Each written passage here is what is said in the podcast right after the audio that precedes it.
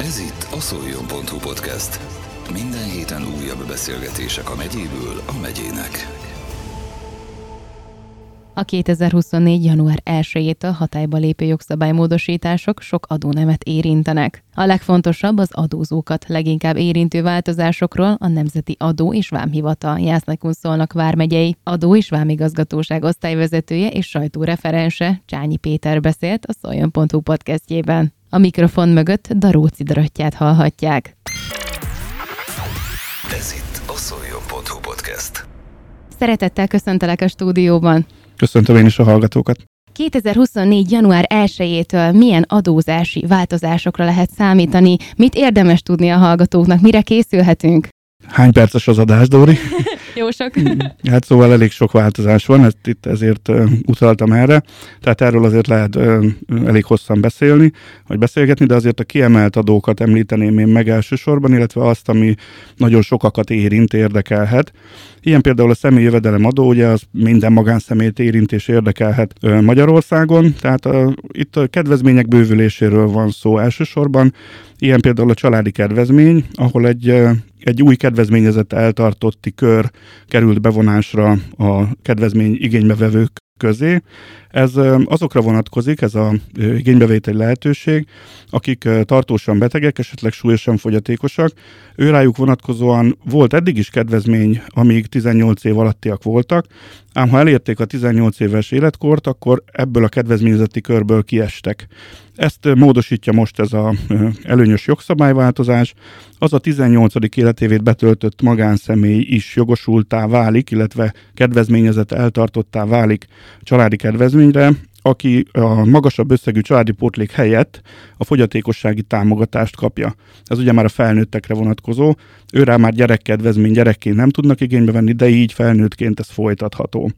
Illetve az érvényesítés kapcsán is van változás, ugye hasonlóan az előzőhöz itt is a súlyos fogyatékosság, illetve a, a tartósan beteg állapot hozta ezt a változást, ő rájuk vonatkozik, ugye erre a kedvezményre saját jogán volt jogosult az a magánszemély, aki ilyen betegségben szenvedett, de azért tudott dolgozni, és ebben az esetben ugye el kellett dönteni az adóév során, hogy ki igénybe a családból ezt a kedvezményt. Itt dönthettek úgy, hogy maga a magánszemély, aki dolgozik, ő vesz igénybe, vagy pedig valamelyik hozzátartozó.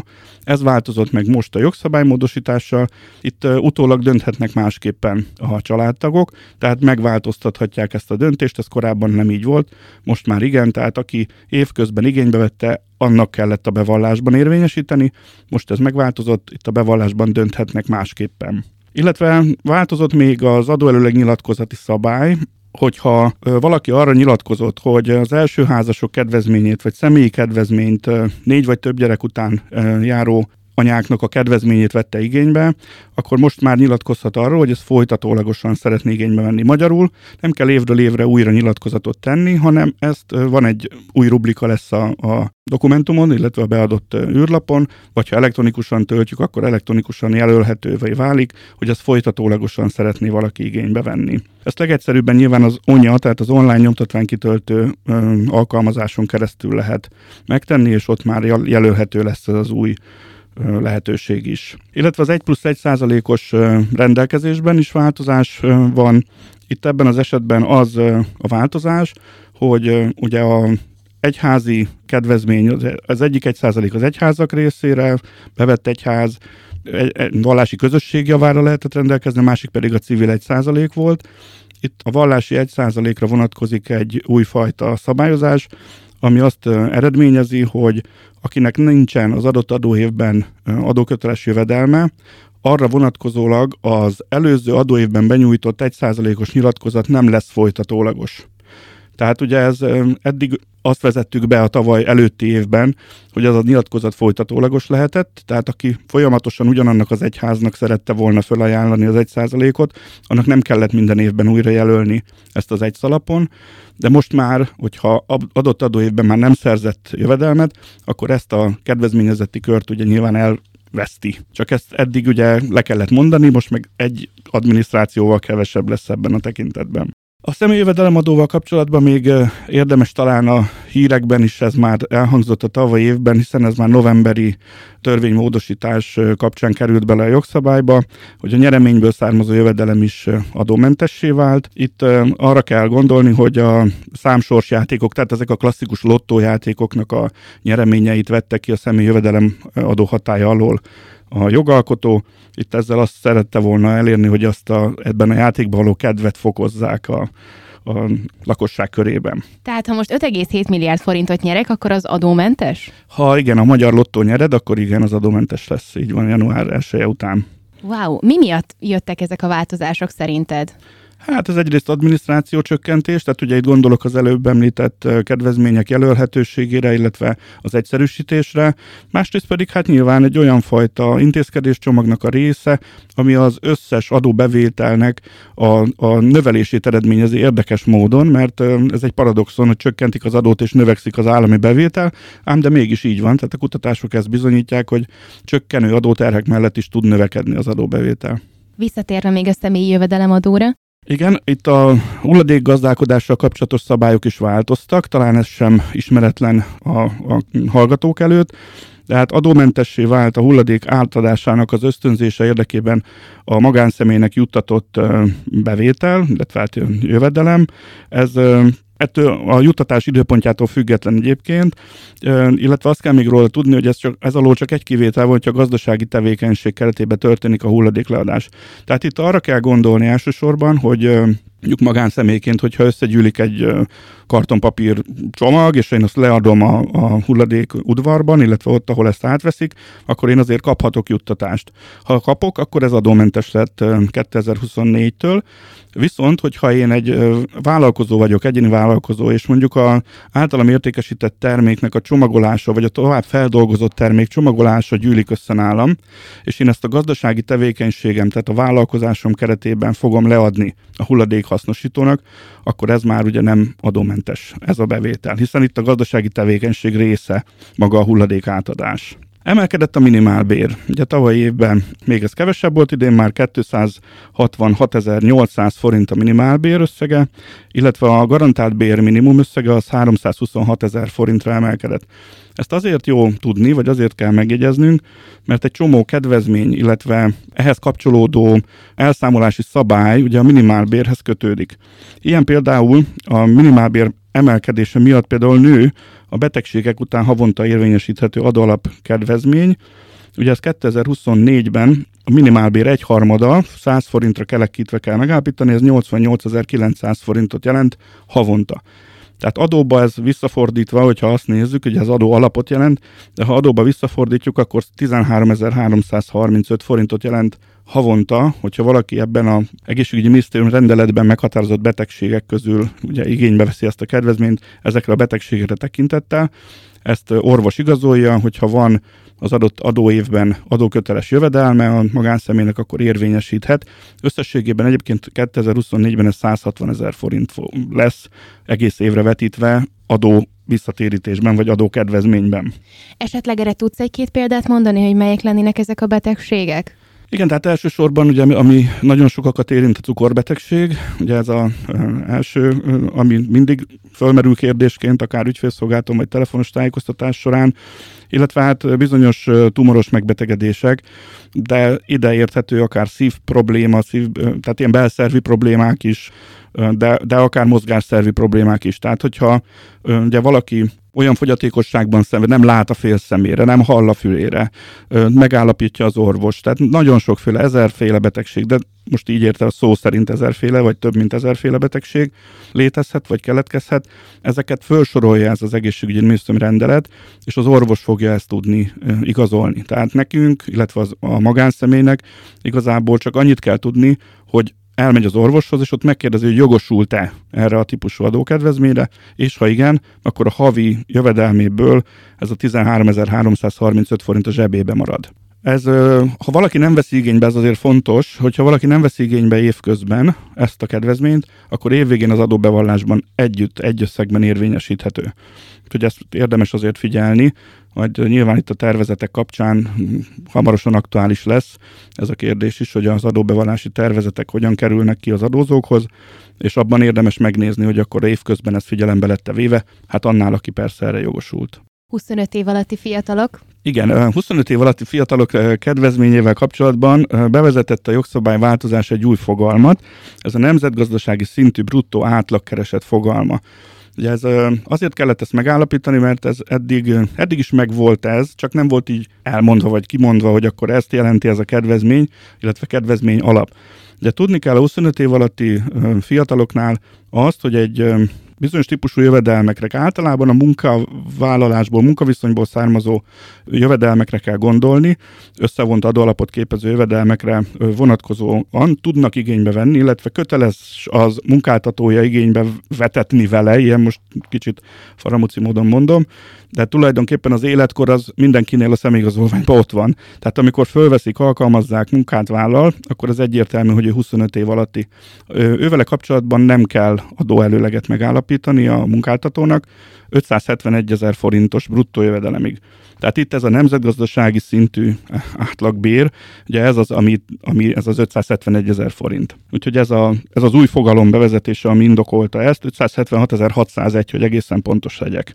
A 30 év alatti anyák kedvezménye esetén ugyanez a szabály érvényesül, ők ugye viszik tovább a 25 év alatti kedvezményt, ha szültek egy babát, akkor ők 30 éves korukig erre a kedvezményre továbbra is jogosultak lesznek, tehát ugyanez a kedvezmény, ugyanez a összeg vonatkozik rájuk. Ez a havi bruttó bér szintje, ameddig adót nem kell tőlük levonni.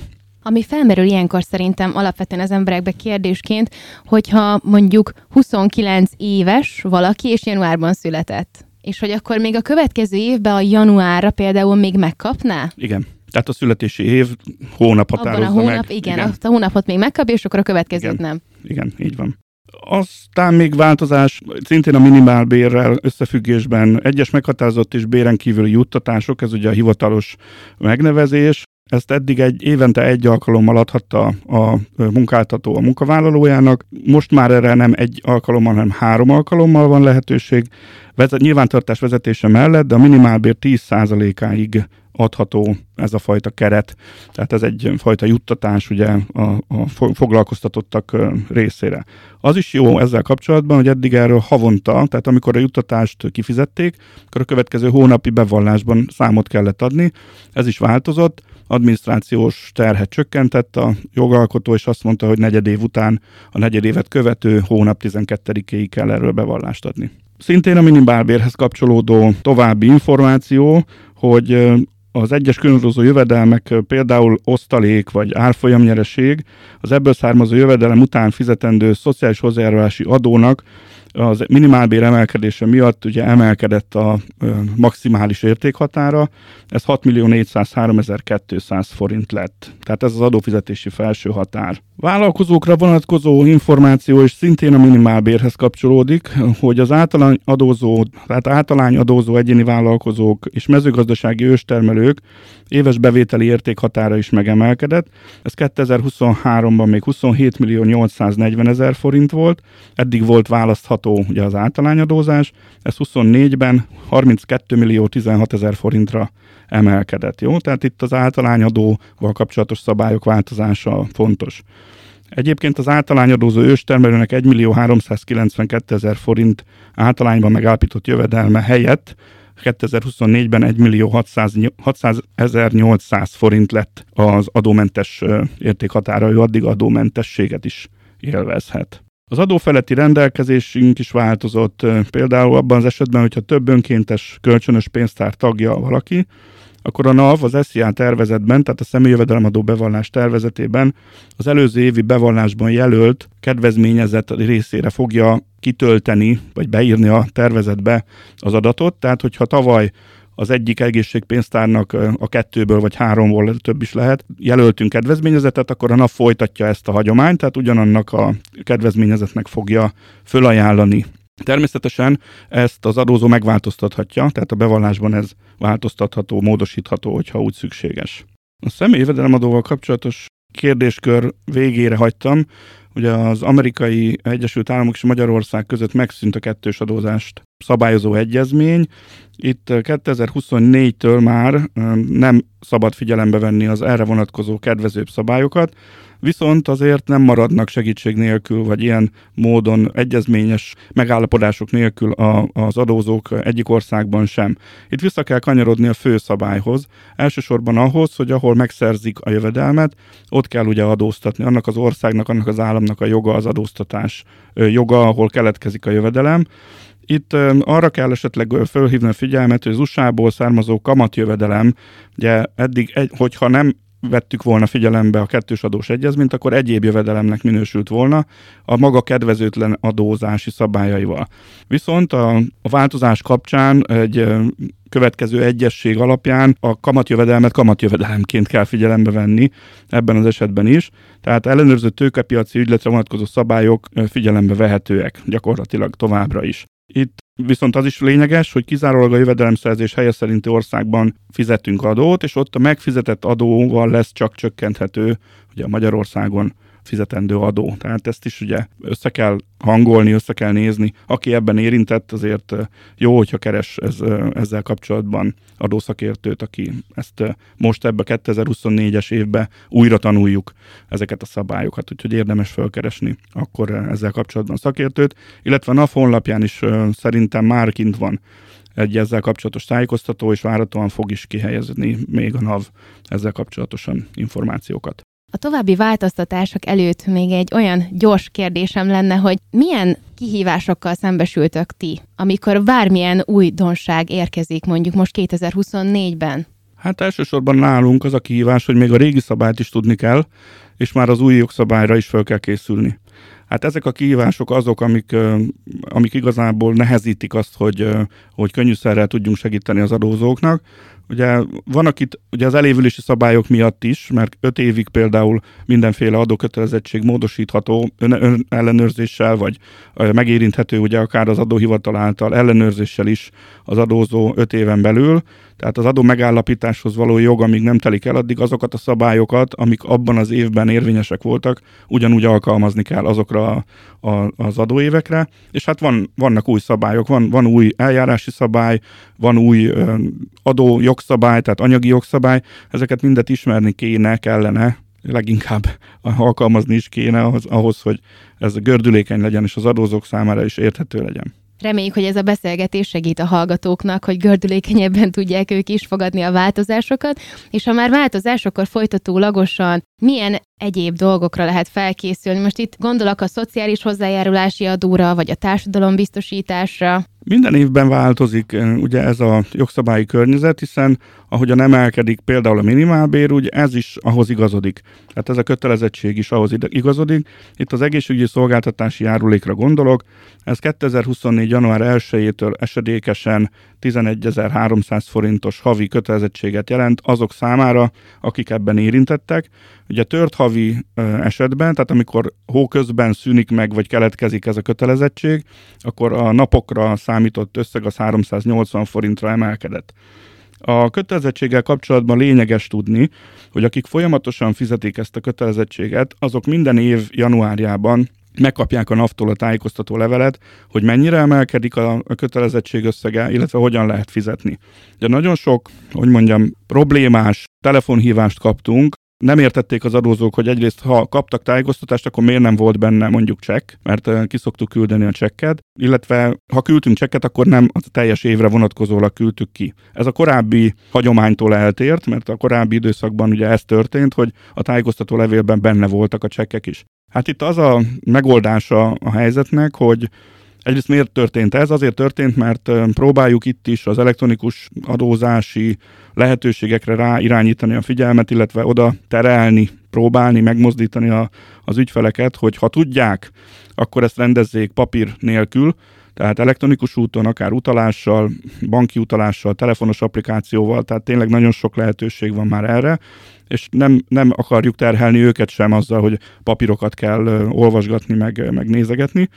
Úgyhogy ez az egyik oka, de természetesen hogyha valaki ragaszkodik a, a csekkhez, hiszen nincs is lehetősége akár, hiszen nem mindenkinek van bankszámlája például, vagy ha van is bankszámlája, bankkártyája, lehet, hogy nincs, és az elektronikus applikációt se, a telefonos applikációt se feltétlenül napi szinten kezeli mindenki, tehát hogyha van ilyen probléma, akkor telefonon is lehet csekkigényt benyújtani, vagy akár ügyfélszolgálaton személyesen is be lehet jönni, és lehet kérni csekket, tehát a szándékunk nem az adózók ellen irányul, hanem pont, hogy inkább az egyszerűsítés irányába próbálnánk hatni. Persze ez nem mindenkinek egyszerűbb, ezt én elismerem, de van lehetőség csekket kérni, tehát lehet kérni 18-19-es telefonszámon, ez a NAV info vonala, itt a hármas menüpontot kell választani, és ott be lehet mondani az adóazonosítójelet, küldeni fogunk csekket postai úton. Változás még az háztartási munkával kapcsolatban is van, ugye az is egyfajta foglalkoztatási jogviszony, a háztartási munkavégzés. Ott például kertgondozásra, idős hozzátartozó ápolására, vagy akár házi tanításra is lehet háztartási alkalmazotti jogviszonyt létesíteni. Eddig az volt a szabály, hogy az ilyen jogviszonyt létesítő magánszemély, aki megbízta a munkavégzéssel a másik magánszemét, ő neki bejelentési kötelezettsége volt, illetve volt egyfajta díjfizetési kötelezettség is. Ez ugye személyenként egy darab ezer forintost jelentett. Ez a kötelezettség megszűnt, tehát befizetési kötelezettség nincsen, bejelentési kötelezettség maradt. Tehát, hogy azt be kell jelenteni, hogy foglalkoztatunk valamit, valakit, de ez a fizetési kötelezettséget eltörölte a 2024-es évre vonatkozó változás. Egyéni vállalkozó szünetelő tevékenysége esetében ugye a szociális hozzájárulási adó vonatkozásában a szünetelő adózó, hogyha egész hónapban szüneteltette a tevékenységét, akkor abban a hónapban nem kell neki figyelembe venni, tehát nem kell szót fizetnie. Ha viszont nem szüneteltetett, csak tört havi lett a szünetelés, hóközben kezdte meg, vagy fejezte be a szünetelését, akkor bizony arra a hónapra, a teljes hónapra fizetni kell a járulékokat. Ez azt jelenti viszont, hogy a minimálbérnek a TB járulékot a minimálbér havi összege alapján kell legalább megfizetni, ugye ez a minimum, szint, illetve a szociális hozzájárulási adót pedig a minimálbér 112,5%-a után kell megfizetni, a szüneteléssel nem érintett hónapokra tekintettel. Munkaerőpiacra lépő kedvezményével kapcsolatban a, szintén a szocó törvény fogalmaz meg újdonságot, ugye csak magyar állampolgár minősül munkaerőpiacra lépőnek a szocó kedvezmény figyelembevétele tekintetében, illetve egy kivétel van, pontosabban kettő, ugye az EGT, nem EGT tag, szomszédos tagállamból származó állampolgár is figyelembe vehető. Hát ez, hogyha lefordítjuk magyarra ezt a szót, vagy ezt a fordulatot, akkor az azt jelenti, hogy Szerbiából és Ukrajnából lehet még ilyen munkavállalót kedvezménnyel foglalkoztatni, ugye a szociótörvény alapján biztosított kedvezmény tekintetében. Egyszerűsített foglalkoztatásban is van változás. Itt az adózó, hogyha egyszerűsített foglalkoztatásban foglalkoztatták, akkor az a jövedelme tulajdonképpen adó adózás alól mentes volt, tehát adó nem volt a, a személyi jövedelemadó kötelezettség nem keletkezett, de csak abban az esetben nem, hogyha a napi keresete az a minimum keretösszeget, nem minimum, hanem maximum keretösszeget nem haladta meg. A mentesített keretösszeg, ez a hivatalos kifejezés, amit használni kell, a mentesített keretösszeg megváltozott, hogy a szakképzettséget nem igénylő foglalkoztatási formában ez 15.951 forintra emelkedett, míg a szakképzettséget igénylő munkakörben 19.487 forint lett a szakképzettséget igénylő munkakörben naponta a mentesített keretösszeg. Aki e fölött keres naponta, az ugye az a fölöttes részét bizony 15%-os személyjövedelemadó terheli. Ezt az, azoknak érdemes figyelni, ugye, akik jövedelmük nagy részét mondjuk ilyen fajta egyszerűsített foglalkoztatásból, alkalmi munkából, mezőgazdasági idény munkából szerzik,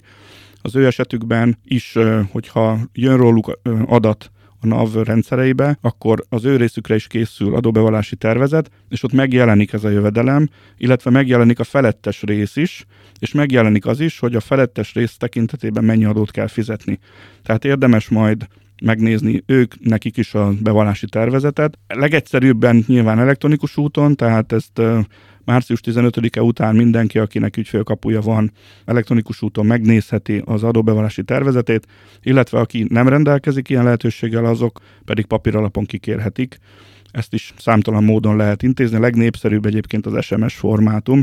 A tavaly érvénybe levő számra nyugodtan lehet írni SMS-t, és abban lehet kérni a tervezett postázását egyébként a NAV honlapján megtalálhatók már ezek az információk, úgyhogy ebben nincs változás, ez a jól megszokott úton módon lehet hozzájutni a tervezetekhez. Ez is gondolom a minimál bér miatt változott, vagy emelkedett meg, és amúgy nem is olyan, nem is olyan keveset, mert ilyen 13 ezer forint körül volt, azt hiszem a, a szakképzettséget igénylő. Igen, eme- emelkedett. A minimálbér emelkedésével összhangban emelkedik ez is minden évben. Természetesen Ugye az egy napra eső minimálbér összege tulajdonképpen, amit, amiről beszélünk. Igen. Illetékek, gépjárműadó? Ó, hát ezek kedvenc témák, ugye az gépjárműadó különösen fontos lesz hamarosan, de az illetékekről azért tényleg egy picit erre is akkor villancsunk egy kis fényt, tehát a családi otthonteremtési kedvezmény kapcsán már eddig is volt kedvezmény az illeték, a vagyonszerzés illetékekkel kapcsolatosan. Ez a mentesség bővül, Ugye a CSOK, illetve a CSOK Plus programok hatására, ugye ezeket a programokat is a jogalkotó is követi, folyamatosan nyomon követi, és leköveti ezekkel a jogszabályi változásokkal, például az illetékkedvezmény megadásával is, hiszen Ugye az, például a Csok Plus kölcsön felhasználásával történt lakásszerzés esetén a megszerzett lakás forgalmi értékéből 80 millió forintot meg nem haladó rész, ugye tulajdonképpen illetékmentes lesz 2024. január 1-től. Ami fontos még illeték ugyan, de nem vagyonszerzés, hanem az eljárás illeték tekintetében bírósági eljárás illetékek változtak. Eddig lehetett illetékbélyeggel is leróni ezt az illetékkötelezettséget, 24. január 1-től ezt már nem lehet, csak kizárólag utalással lehet teljesíteni ezt a fizetési kötelezettséget. És a gépjárműadó valóban. Gépjárműadóban elég markáns változás lesz. Azt kell róla tudni, hogy az eddigiekhez képest annyi változik, hogy eddig két részletben tudtuk fizetni a gépjárműadót. Az első részlet esedékessége volt március 15-e illetve hát március 15-e ugye mindig ünnepnap Magyarországon, ezért mindig az azt követő első nap volt a, első munkanap volt a határidő. Ez most változik. Egy részletben lesz esedékes, tehát tulajdonképpen egy összegű befizetési kötelezettség keletkezik, de nem márciusban, hanem áprilisban. Tehát április 15-ig kell ezt a gépjárműről kötelezettséget megfizetni. Mivel ez mindenkit érint, tehát nem csak a azokat, akiknek ugye változás van a gépjármű tulajdonban tartással kapcsolatban az év során, ugye ők mindig határozatban értesültek a módosított kötelezettségükről, a többiek mindig egy tájékoztató levelet kaptak, aki ugyanazt a gépkocsit vagy gépjárművet birtokolta a következő év január 1-én, az ugyanúgy egy tájékoztató levelet kapott, és megmondtuk benne, hogy mikor mit kell fizetnie. Most mindenki határozatot fog kapni, hiszen az esedékesség megváltozik, tehát mindenki egy határozatot fog kapni a postaládájába, illetve levelezési címként ugye nyilván a a papíralapú iratok esetében postaládáról beszélünk, de egyébként tárhely, tehát ugye aki elektronikus ügyintézésben részt vesz, úgy látjuk a, a nyilvántartásunk alapján, hogy van neki ügyfélkapuja, és használja is ezt az ügyfélkaput, az mindenképpen a tárhelyre fog kapni egy határozatot. Ezt érdemes megnyitni, meg elolvasni, abban minden információ le lesz írva, tehát a fizetési kötelezettség kapcsán is Azért is el kell olvasni, mert az is változik, hogy ugyan egy összegben esedékes április 15-én a gépjárműadó, de választható rá 5 havi részletfizetés, már eleve a, a határidő bekövetkeztét követően, de legkésőbb 6. hó 30-áig. Tehát ezt vissza kell jelezni az adóhivatal részére, és akkor beállítjuk ezt az öt havi részletfizetést, és akkor öt, legfeljebb öt hónap alatt rendezhető a gépjárműadó kötelezettség. Ez a határidő viszont jogvesztő, tehát aki nem nyilatkozik erről 6 30-ig, az már utána nem tud részletfizetést kérni ebben a tekintetben automatikus úton. Közeledünk a beszélgetésünk végéhez, és ezzel együtt ugye a témáink, a témaköreink is fogynak. Az utolsó, amit hoztál mára, ez az általános forgalmi adó. Erről mit tudhatunk? Rengeteg változás lesz az általános forgalmi adóban. Ugye itt meg kell említenem az adóhivatal által saját magunk által végzett fejlesztési munkát. Tehát egy akkora léptékű előrehaladás van, hogyha belegondolunk, ha mondjuk valaki nem érintett ebben a, a dologban egyáltalán, tehát nem gazdálkodó, nem céget vezet, és nem egyéni vállalkozó, akkor áfához túl sok közel nincsen, de akkor is van, hiszen ugye nyilván vásárol mindenki, fizet a boltban, és akkor ezzel a vásárlással biztos lesz hatása az áfára hiszen minden egyes vásárlásnál, minden egyes értékesítésnél, szolgáltatás igénybevételénél a vételárnak része lesz az áfa. Tehát minden magánszemély is érintett ebben. A fejlesztések abba az irányba mutatnak egyébként, hogy a, az e-áfa, illetve az e-nyugta rendszereknek a fejlesztései, hogy előbb-utóbb mindenki megtapasztalja majd ennek a jótékony hatását. Azért mondom így, hogy jótékony hatása, mert egyébként az egész gazdaságra egy fehérítő, gazdaság fehérítő hatással bír ez a fajta fejlesztés. A terv az egyébként, hogy majd 2025-től kerül ez majd bevezetésre, addig is ezek a rész elemek fognak fejlesztésre kerülni, többek között például az EÁFA rendszer is. Ugye a mai tudásunk szerint az áfa bevallást a gazdálkodók háromféleképpen fogják tudni beadni. Az egyik lesz az, ami eddig is már megszokott volt, hogy a nyomtatvány kitöltő programot kitöltve, az áfa bevallást benyújtva lehet ezt beadni, ez az, általános nyomtatvány kitöltőben most is megtalálható, és a jövőben is egyenlőre, legalábbis amíg ez a fejlesztés végig nem megy, addig biztos, hogy megtalálható lesz a hagyományos, rendes áfa bevallási nyomtatvány. A következő lehetőség az az adóbevallási tervezet lesz, itt is ugye, mint a személy jövedelemadó, hasonlóan ahhoz az adóhivatal rendelkezésére bocsájtott információk, amik lehetnek ugye az elektronikus számlázó programokból származó információk, majdan az elnyugta információk, illetve a vám határozatok, amikor a határon át hozott áruk után kiszabjuk a vámot, ugye az is ugye áfakörhöz tartozó kötelezettséget fog generálni, Ezeknek az információk alapján ugye összeállítjuk majd az áfa bevallási tervezetet, és ennek a felhasználásával is be lehet nyújtani majd az áfa bevallást a gazdálkodók részéről, és a harmadik, az a legerősebb fokozat, amikor gép-gép kapcsolattal lehet benyújtani majd az áfa bevallást. Itt ugye az, a, az lesz a végeredmény, hogy igazából emberi beavatkozás nélkül is elkészülhet az áfa bevallás, és be lehet nyújtani tulajdonképpen azok alapján, az adatok alapján, amik a NAV rendszerébe befutnak és bekötnek. Úgyhogy ez egy nagyon nagy fejlesztés, nagyon nagy munka. Hát bízunk benne, hogy ez a határidő majd tartható lesz, és akkor a bevezetés igazából majd meg tud valósulni. De hát ez még a jövő, ez a 2025. Most még ott tartunk, hogy 2024, és hát vannak az álfában más módosítások is. Például az, hogy tárgyi adómentessé vált a nem közszolgáltató által végzett betegszállítási szolgáltatás, ez ugye azt jelenti, hogyha ugye a közszolgáltató az a mentőszolgálat vagy állami betegszállító szervezet, hogyha nem ez végzi, akkor eddig ugye áfakörös volt, most pedig tárgyimentessé vált ez a tevékenység. És még egy információ, vagy még egy módosítás, ami érdekes lehet mindenki számára, ugye biztos a hulladékról már az előbb is ejtettünk szót, tehát a hulladék gazdálkodásról. Itt a, a visszaváltási díj áfa beli megítélése is érdekes lehet. Hát ugye a újrahasznosítható csomagolású italos dobozok, üvegekről van itt szó, tehát amikor látjuk majd az üvegen, hogy visszaváltható, egyutas vagy többutas ez a visszaváltási díjjal érintett csomagolás, ugye akkor ennek ugye áfa vonzata is lehet, hiszen ugye 50 forintot számít fel a kereskedő minden egyes ilyen csomagolás termékre, és ugyanannyit is ad vissza. Tehát az áfa körből ezt természetesen ki kell venni. Tehát az, aki ezt a fajta csomagolást fogja használni, vagy visszaváltani, az az áfa körben ez nem fog részt venni.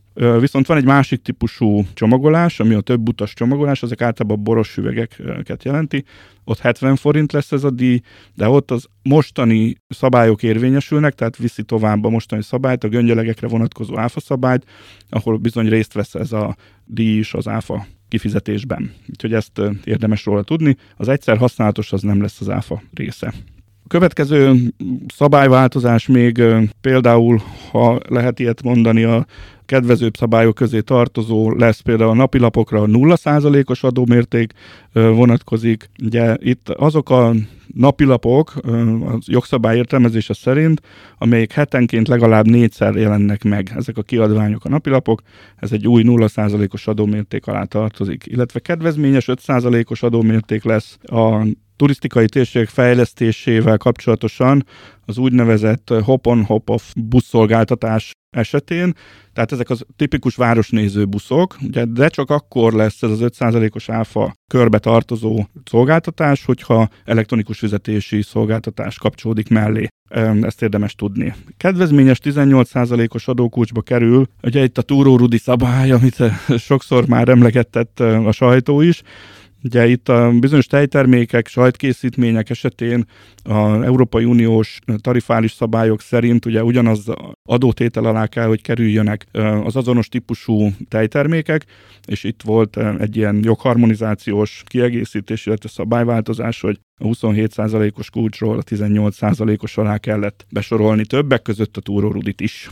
Úgyhogy ez volt egy ilyen érdekesség még. És hát utolsó ezzel kapcsolatos szabályunk, vagy változás, amire föl szeretném hívni a figyelmet, hogy a kutatási fejlesztési tevékenység adókedvezménye, ez már nem az áfához tartozik, hanem egy olyan kedvezmény, ami eddig is szerepelt a adókedvezmények során. Itt a K plusz F adóalap csökkentő tétel volt, tehát a kutatásfejlesztés tekintetében, akik ilyen tevékenységet folytattak, adó alapkedvezményt tudtak igénybe venni, ehelyett most adókedvezmény lesz, tehát nem az alapból, hanem magából az adóból lehet érvényesíteni ezt a kedvezményt.